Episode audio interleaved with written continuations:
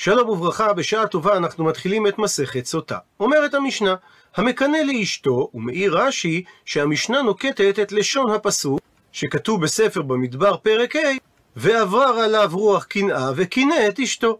רבי אליעזר אומר שהוא מקנא לה על פי שניים. מסביר רש"י שאם הוא בא להשקותה את המים המרים המערערים בבית המקדש, הוא צריך להביא שני עדים שאמר לה בפניהם, אל תסתרי עמו. ואם הוא לא קינא לה בפני שניים, אז היא אינה נאסרת עליו בסתירתה, והוא לא יכול להשקות אותה. הוא משקה על פי עד אחד, או על פי עצמו. שאפילו אם אין עדים שנסתרה, אלא עד אחד, או הוא עצמו אומר, ראיתי שנסתרה אחר שקינאת לה, הדין שהיא נאסרת בסתירתה, עד שתשתה את המים המרים המערערים. רבי יהושע חולק ואומר שהוא גם מקנא לה על פי שניים, וגם הוא משקה על פי שניים. הוא מוסיף רש"י ומציין שלפי רבי יהושע צריך גם שני עדים לסתירתה, שראו אותה נסתרת עם אותו אדם שהבעל המקנא אמר לה לא להסתתר עמו. זאת אומרת שרבי אליעזר ורבי יהושע לא נחלקו שצריך שני עדים על הכינוי עצמו. המחלוקת היא לגבי הסתירה. לפי רבי אליעזר מספיק עד אחד ואפילו הבעל עצמו, רבי יהושע מצריך שני עדים גם על הסתירה. הוא מבאר את המשנה כיצד בדיוק הבעל מקנא לה. אומר לה הבעל בפני שניים, אל תדברי עם איש פלוני ודיברה עמו, אז הדין שעדיין היא מותרת לביתה, הכוונה שעדיין מותר לה לשמש עם בעלה ולא נאסרה עליו, ואם היא אשת כהן, הוא מותרת לאכול בתרומה. אבל אם היא נכנסה עמו לבית הסתר ושהתה עמו שם כדי טומאה, שזה פרק הזמן המינימלי למעשה זנות, אז הדין שהיא אסורה לביתה, דהיינו אסור לה לשמש עם בעלה, ואם היא אשת כהן ואסורה לאכול בתרומה. הוא מביא רש"י את המקור לכך מהגמרא בדף כ"ח, שבפרשיית סוטה שלוש פעמים מוזכרת המילה ונטמעה. בפסוק י"ד כתוב, ועבר עליו רוח קינה וקינא את אשתו והיא נטמעה, בפסוק כ"ז כתוב, והשקע את המים והייתה אם נטמעה, ובפסוק כ"ט כתוב, זאת תורת הקנאות אשר תסטה אישה תחת אישה ונטמעה. אחד מלמד שאסורה לבעל, ואחד מלמד שאסורה לבועל אם ימות בעלה או יגרשנה, והשלישי מלמד שהיא אסורה לאכול בתרומה במידה והיא נשואה לכהן. הוא מסיים את המשנה, ואם מת הבעל קודם שהוא ישקע אותה בבית המקדש ואין לו בנים כך שהיא זקוקה ליבם, הדין שהיא חולצת ולא מתייבמת. וראשית שואלת הגמרא, מדוע רבי יהודה הנשיא מיקם את מסכת סוטה במיקום הנוכחי שלה? מי גדי תנא מנזיר סלי? הרי התנא הגיע למסכת סוטה אחרי שהוא סיים את מסכת נזיר. מהי תנא דקתנא סוטה? מה שנה התנא במסכת נזיר? שדומה לעניין מסכת סוטה, שלכן הוא סידר את מסכת סוטה לאחר מסכת נזיר. עונה הגמרא כדרבי, דתניא, שכך שנינו בברייתא, רבי אומר, למה נסמכה בתורה פרשת הנזיר לפרשת סוטה? לומר לך שכל הרואה סוטה בקלקולה, דהיינו בניבולה ובבושתה, יזיר עצמו מן היין. שלאדם בדרך כלל יש בלמים ואיזונים, אבל אם הוא הגזים ביין, הוא יכול להביא את עצמו לידי קלות ראש, וזה מה שגרם לאותה אישה להגיע לאותו מעמד מבייש. מקשה הגמרא, אז אם כך, וליתני סוטה והדר ליתני נזיר. מדוע רבי יהודה הנשיא לא סידר קודם את מסכת סוטה ואחר כך את מסכת נזיר, כשם שסדר פרשיותיהם בתורה? עונה הגמרא, היידה דתנא כתובות. אגב ששנה רבי יהודה הנשיא את מסכת כתובות, ותנא, והוא שנה בתוך מסכת כתובות את פרק המדיר, שהוא עוסק בנדרים. לכן תנא הוא סידר את מסכת נדרים לאחר מסכת כתובות. ועיידא דתא נדרים, ואגב כך, תנא נזיר. הוא סידר את מסכת נזיר לאחר מסכת נדרים, מפני שמסכת נזיר דדמי לנדרים. שהרי אף הנזירות באה על ידי נדר, וקטני סוטה כדרבי. ואת מסכת סוטה הוא הסמיך למסכת נדרים, כפי שדרש רבי, את הטעם לסמיכות פרשיותיהם בתורה. עד לכאן הסיבה מדוע רבי יהודה הנשיא סידר את מסכת סוטה בצמוד למסכת נדרים, כך שהיא המסכת החמישית בסדר נשים. ועכשיו עוברת הגמרא לנתח את המשנה. שנקטה המשנה לשון המקנא לאשתו, ומדייקת הגמרא די אין לכתחילה לא. שהמשנה דנה על מקרה שאדם כבר קינא לאשתו, משמע שלכתחילה לא ראוי שאדם יקנא לאשתו. וזה מפני שכסבר תנא דידן, התנא של המשנה שלנו סובר, שלכתחילה אסור לאדם לקנות לאשתו. ובאותו עניין אמר רבי שמואל בר רבי יצחק, שכי הווה פתח ריש לקיש בסוטה. כאשר ריש לקיש פתח את הלימוד במסכת סוטה, אמר אחי, כך הוא הקדים ואמר, אין מזווגין לו לאדם אישה, אלא לפי מעשיו. והמקור לכך שנאמר, פסוק בתהילים נקרא בפנים, כי לא ינוח שבט הרשע על גורל הצדיקים, למען לא ישלחו הצדיקים בעוולת ידיהם. מסביר רש"י שלא יזדווג ממשלת רשע בגורל צדיק, ולכן השם משדך את הצנועה לצדיק ואת הפרוצה לרשע. ובעצם רומז ריש לקיש בין השורות, שאם אדם מקנא לאשתו וחושב שהיא נסתרה עם אדם אחר, זה מעיד משהו גם עליו. ועוד באותו עניין, אמר רבא בר בר חנא, אמר רבי יוחנן, וקשים לזווגן את הצנועה לצדיק ואת הפרוצה לרשע, כקריאת ים סוף, והמקור לכך שנאמר, פסוק בתהילים, אלוהים מושיב יחידים ביתה, מוציא אסירים בכושרות, אך סוררים שכנו צחיחה. הוא מסביר רש"י, מושיב יחידים ביתה, האדם הוא יחיד, והאישה היא יחידה, והקדוש ברוך הוא מזווגם יחד ומיישב מהם בית. והדבר הזה קשה אפילו לפני המקום כקריאת ים סוף, שאז נשתנו סדרי בראשית, שזה רמוז בהמשך הפסוק, מוציא אסירים בכושרות, שהשם מוציא את ישראל ממצרים בחודש שהוא כשר. זאת אומרת, שהוא לא חם מדי ולא קר מדי. אז יש פה היקש בין זיווג היחידים לבין יציאת מצרים. מקשה על כך הגמרא איני? האומנם זיווג מתבצע לפי מעשיו של האדם אם הוא רשע או צדיק? והרי מקודם יצירתם בכלל של האנשים שעדיין לא נודע מי רשע ומי צדיק, מכריזים את זיווגם. שהרי והאמר רב יהודה אמר רב, ארבעים יום קודם יצירת הוולד, כבר אז בת קול יוצאת ואומרת, בת פלוני לפלוני, ובית פלוני לפלוני, ושדה פלוני לפלוני. ומעיר רש"י, ואם תאמר, הרי הכל גלוי לפני השם, והוא יודע מי צדיק ומי רשע, על זה תבוא התשובה, שאכן הכל בידי שמיים, אבל זה חוץ מיראת שמיים. כמו שאומרת הגמרא במסכת נידה, מלאך הממונה על ההיריון נוטל כל טיפה ומביאה לפני המקום, ושואל אותו, טיפה זו, מה תהא עליה? גיבור או חלש, חכם או טיפש, עשיר או עני? אבל המלאך לא שואל אם מהטיפה הזו יצא צדיק או רשע, מפני שהדבר הזה אינו בידי שמיים, אלא תלוי בבחירתו החופשית של האדם.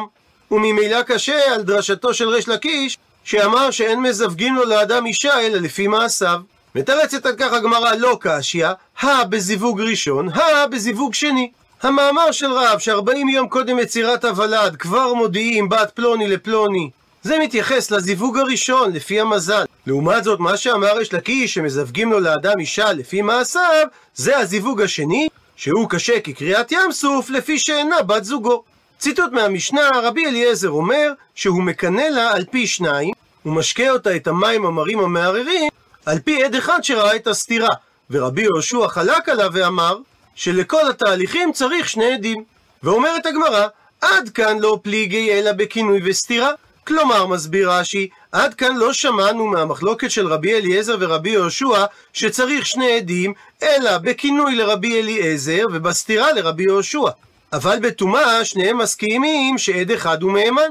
שאם היו שני עדים בכינוי לפי רבי אליעזר, והיו שני עדים גם בסתירה לפי רבי יהושע, ובנוסף להם יש עד אחד שמעיד שהאישה קלקלה בסתירתה ונבעלה לאותו אדם, משמע מהמשנה שהעד הזה נאמן, ולכן האישה אינה שותה את המים המרים המערערים, אלא היא יוצאה מבעלה בלא כתובה, והיא תהיה אסורה לבעל ולבועל ולאכול בתרומה, במידה והיא הייתה נשואה לכהן.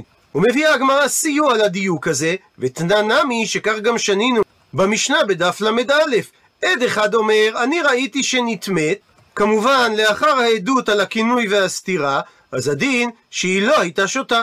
אלא כפי שאמרנו, יוצאה בלא כתובה ואסורה לבעל ולבועל ולאכול בתרומה. ושואלת על כך הגמרא, מדאורייתא מנלן דמהמן עד אחד. מה המקור לכך שבעדות על טומאה בין אישה לבועל שמתבצעת בסתירה אחר כינוי הבעל, שעד אחד מהימן. עונה על כך הגמרא דתנו רבנן, ששנו רבותינו בברייתא. על הפסוק, ושכב איש אותה שכבת זרע ונעלה מעיני אישה, ונסתרה, והיא נטמעה, ועד אין בה, והיא לא נתפסה. שמשמעות המילים ועד אין בה, שבשניים הכתוב מדבר. שאומר הפסוק, עדים שניים אין בטומאה זו, אלא רק עד אחד. והפסוק הרי מדבר על מציאות של טומאה, שהרי כתוב בתחילת הפסוק, ושכב איש אותה שכבת זרע. ועדים שניים אין בה אלא רק עד אחד, וממשיך הפסוק ואומר, והיא לא נתפסה. דהיינו, שזה לא היה באונס. וממילא שמעינן, שעד אחד במקרה כזה נאמן, שהרי להחמיר עליה בא הכתוב, לדון אותה כמזידה. ואומר רש"י שגם מתחילת הפסוק ניתן להבין כך שהרי כתוב ומעלה בו מעל ושכב איש אותה ואין מעיד בדבר אלא העד הזה. ולאחר שהברייתא כבר נתנה לנו את המסקנה שמשמעות המילים ועד אין בה, שאין בה שני עדים שמעידים עליה, עוברת הברייתא להוכיח את הדבר, ואת זה היא עושה בצורה של שאלות ותשובות. או אינו אלא אפילו באחד. אולי תפרש שמשמעות הלשון ועד אין בה, שאפילו עד אחד לא מעיד עליה, לכן תלמוד לומר, תלמד את זה מפסוק אחר, ששם נאמר, נקרא בפנים, לא יקום עד אחד באיש לכל עוון ולכל חטאת, בכל חטא אשר יחטא, אלא על פי שני עדים או על פי שלושה עדים יקום דבר. הפכנו דף ומדייק את הברייתא. ממשמע שנאמר לא יקום עד באיש, אז איני יודע שהוא אחד? מה התלמוד לומר?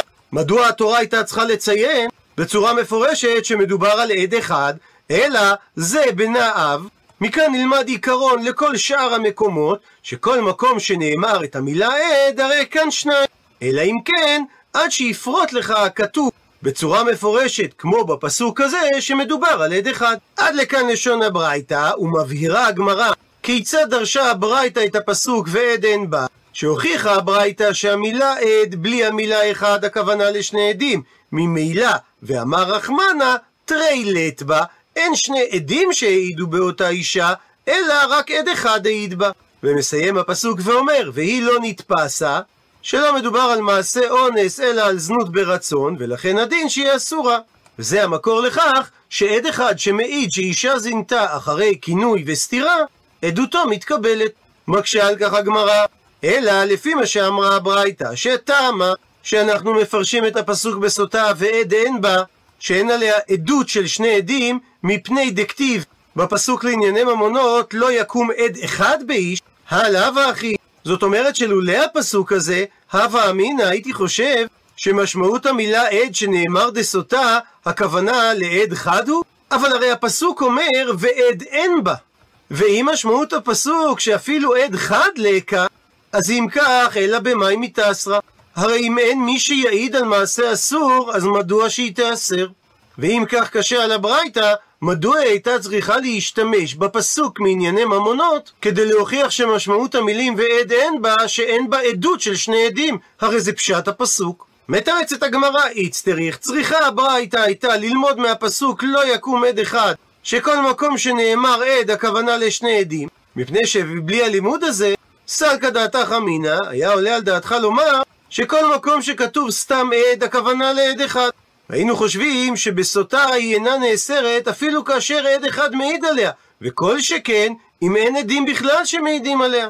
והיינו דורשים באופן כללי שעד אחד אין נאמן בה להעיד שהיא נטמעה, אלא רק אם שניים מעידים על כך. מקשה הגמרא, כיצד היה עולה על דעתך לומר שעד אחד אין נאמן בה, ואלא מאי ביי? מה נדרש כדי לברר שהאישה הזו זינתה?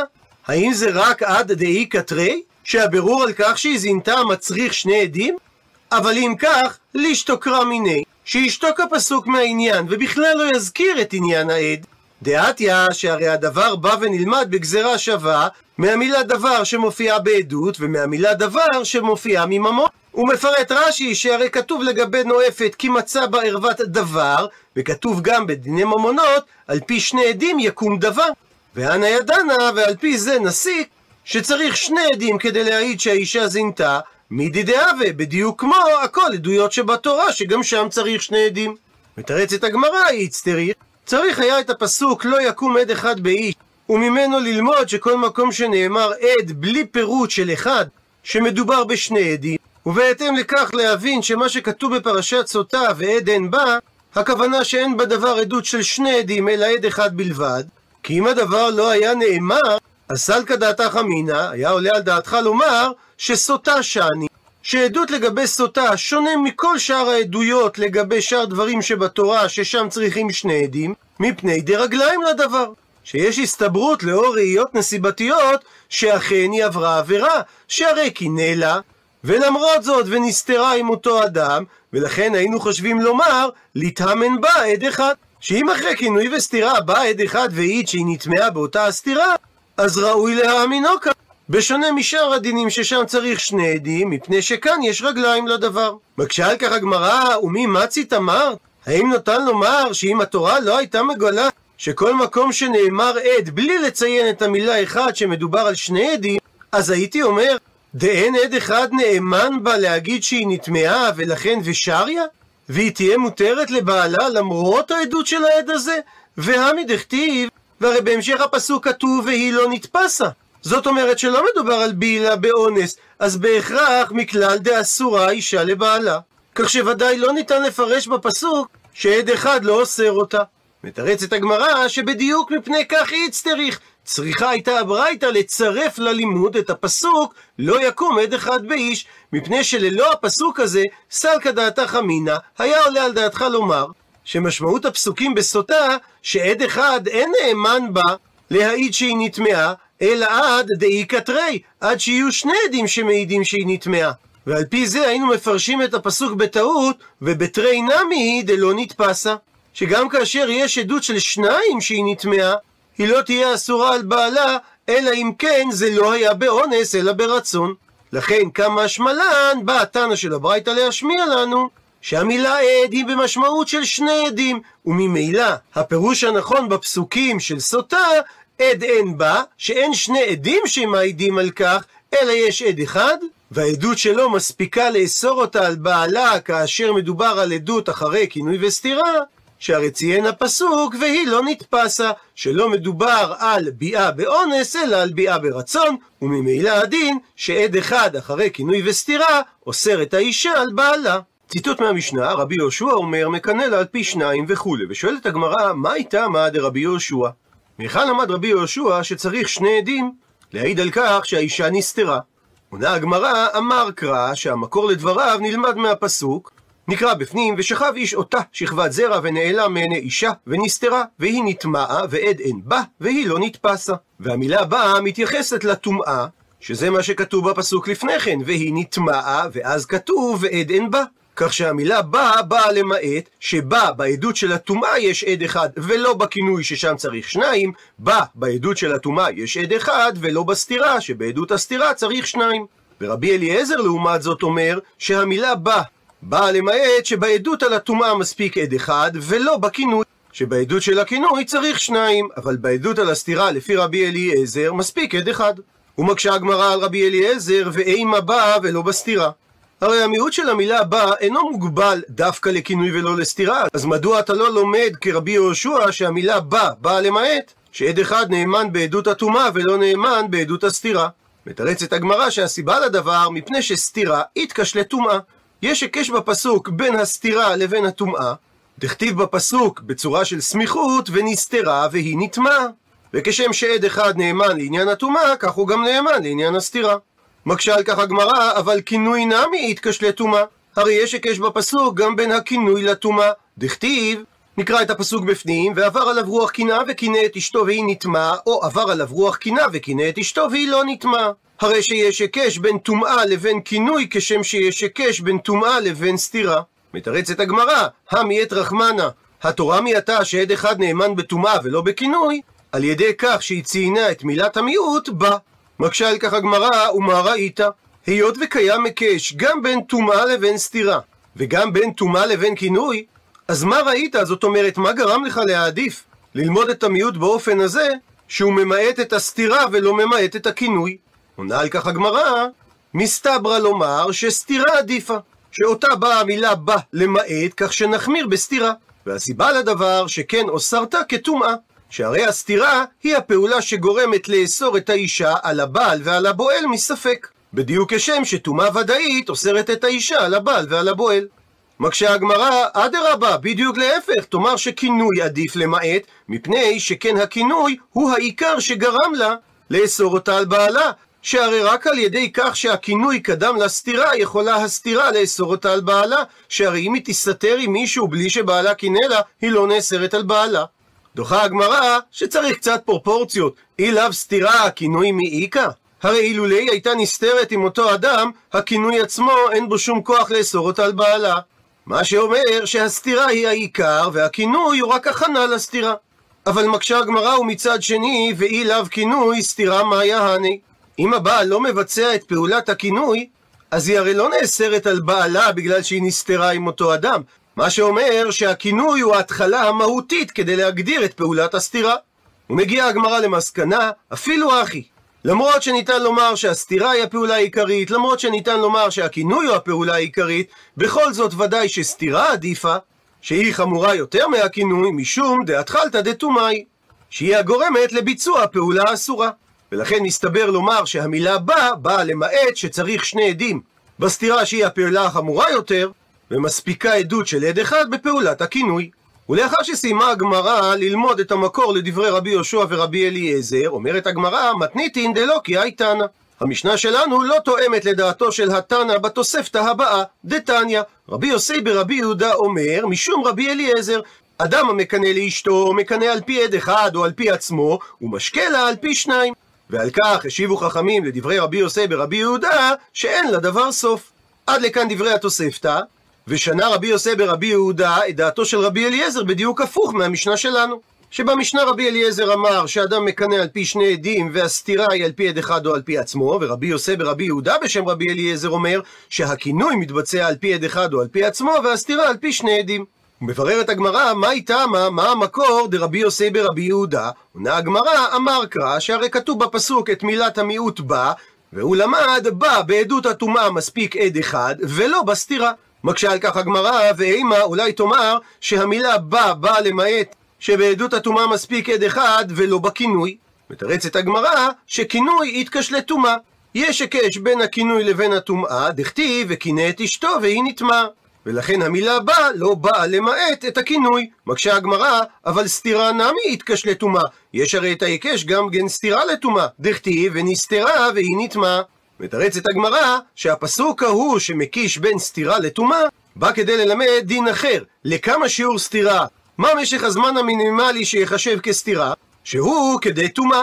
ועבור הלימוד הזה הוא דעתה, לשם כך בא ההיקש. ומצטטת עכשיו הגמרא את סוף התוספתא, השיבו חכמים לדברי רבי יוסי ברבי יהודה, שאין לדבר סוף. ועל כך שואלת הגמרא, מה הניעו? למה התכוונו חכמים כאשר הם אמרו אין לדבר סוף? עונה על כך הגמרא, דזימנין דלא קני, ואמר קנאי. שאם אתה אומר שהבעל בעצמו נאמן על הכינוי, אז כשהוא כועס עליה, הוא יכול לשקר ולומר בפני בית הדין, קינאתי לני פלוני, ואז הוא יביא עדים שהיא נסתרה עם הפלוני סתירה כלשהו, והיא תהיה אסורה עליו. אבל כיוון שהוא לא קינא לה, הרי לא נזהרה להסתתר עם אותו פלוני. ולכן אמרו חכמים שאין לדבר סוף. מקשה על כך הגמרא, הלמשנתנו יש לדבר סוף? מדוע במשנה שלנו חכמים לא שאלו על דברי רבי אליעזר שאין לדבר סוף? שהרי לפי המשנה שלנו רבי אליעזר אומר שהבעל נאמן בעצמו על הסתירה, ואם כך, זימנין דלא הסתתר ואמר הסתתר. שיכול להיות שהבעל כועס עליה, ולמרות שהיא לא הסתתרה עם אותו פלוני, משקר הבעל בפני הבית דין ואומר, ראיתי שנסתרה. עונה על כך, אמר רבי יצחק בר יוסף, אמר רבי יוחנן, שצריך לגרוץ בדברי חכמים, שאף לדברי רבי יוסי ברבי יהודה אין לדבר סוף. ולפי זה הם ענו את התשובה הזו גם לגרסת דברי רבי יוסי ברבי יהודה בשם רבי אליעזר, וגם לגרסת רבי אליעזר במשנה שלנו.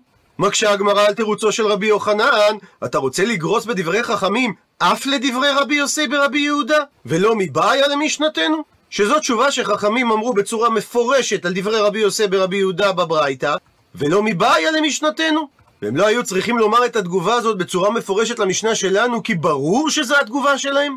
אבל אדרבה, בדיוק להפך. למשנתנו איכא עיקר, לעומת זאת הטם בברייתא לקא עיקר.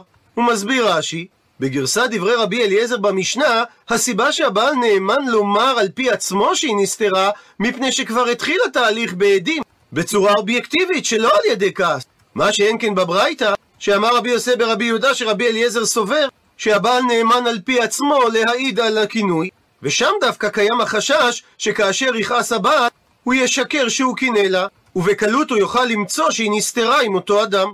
אלא מכוח הקושייה הזאת, מתרצת הגמרא, אי איתמר, הכי איתמר. אם נאמרו דברי רבי יוחנן, כנראה שכך הם נאמרו. אמר רבי יצחק בר יוסף, אמר רבי יוחנן, שכך השיבו חכמים לדברי רבי יוסף ברבי יהודה, שאם אתה גורס בדעת רבי אליעזר, שעד נאמן על פי עצמו לגבי הכינוי אין לדבר סוף, ואף למשנתנו אין לדבר סוף.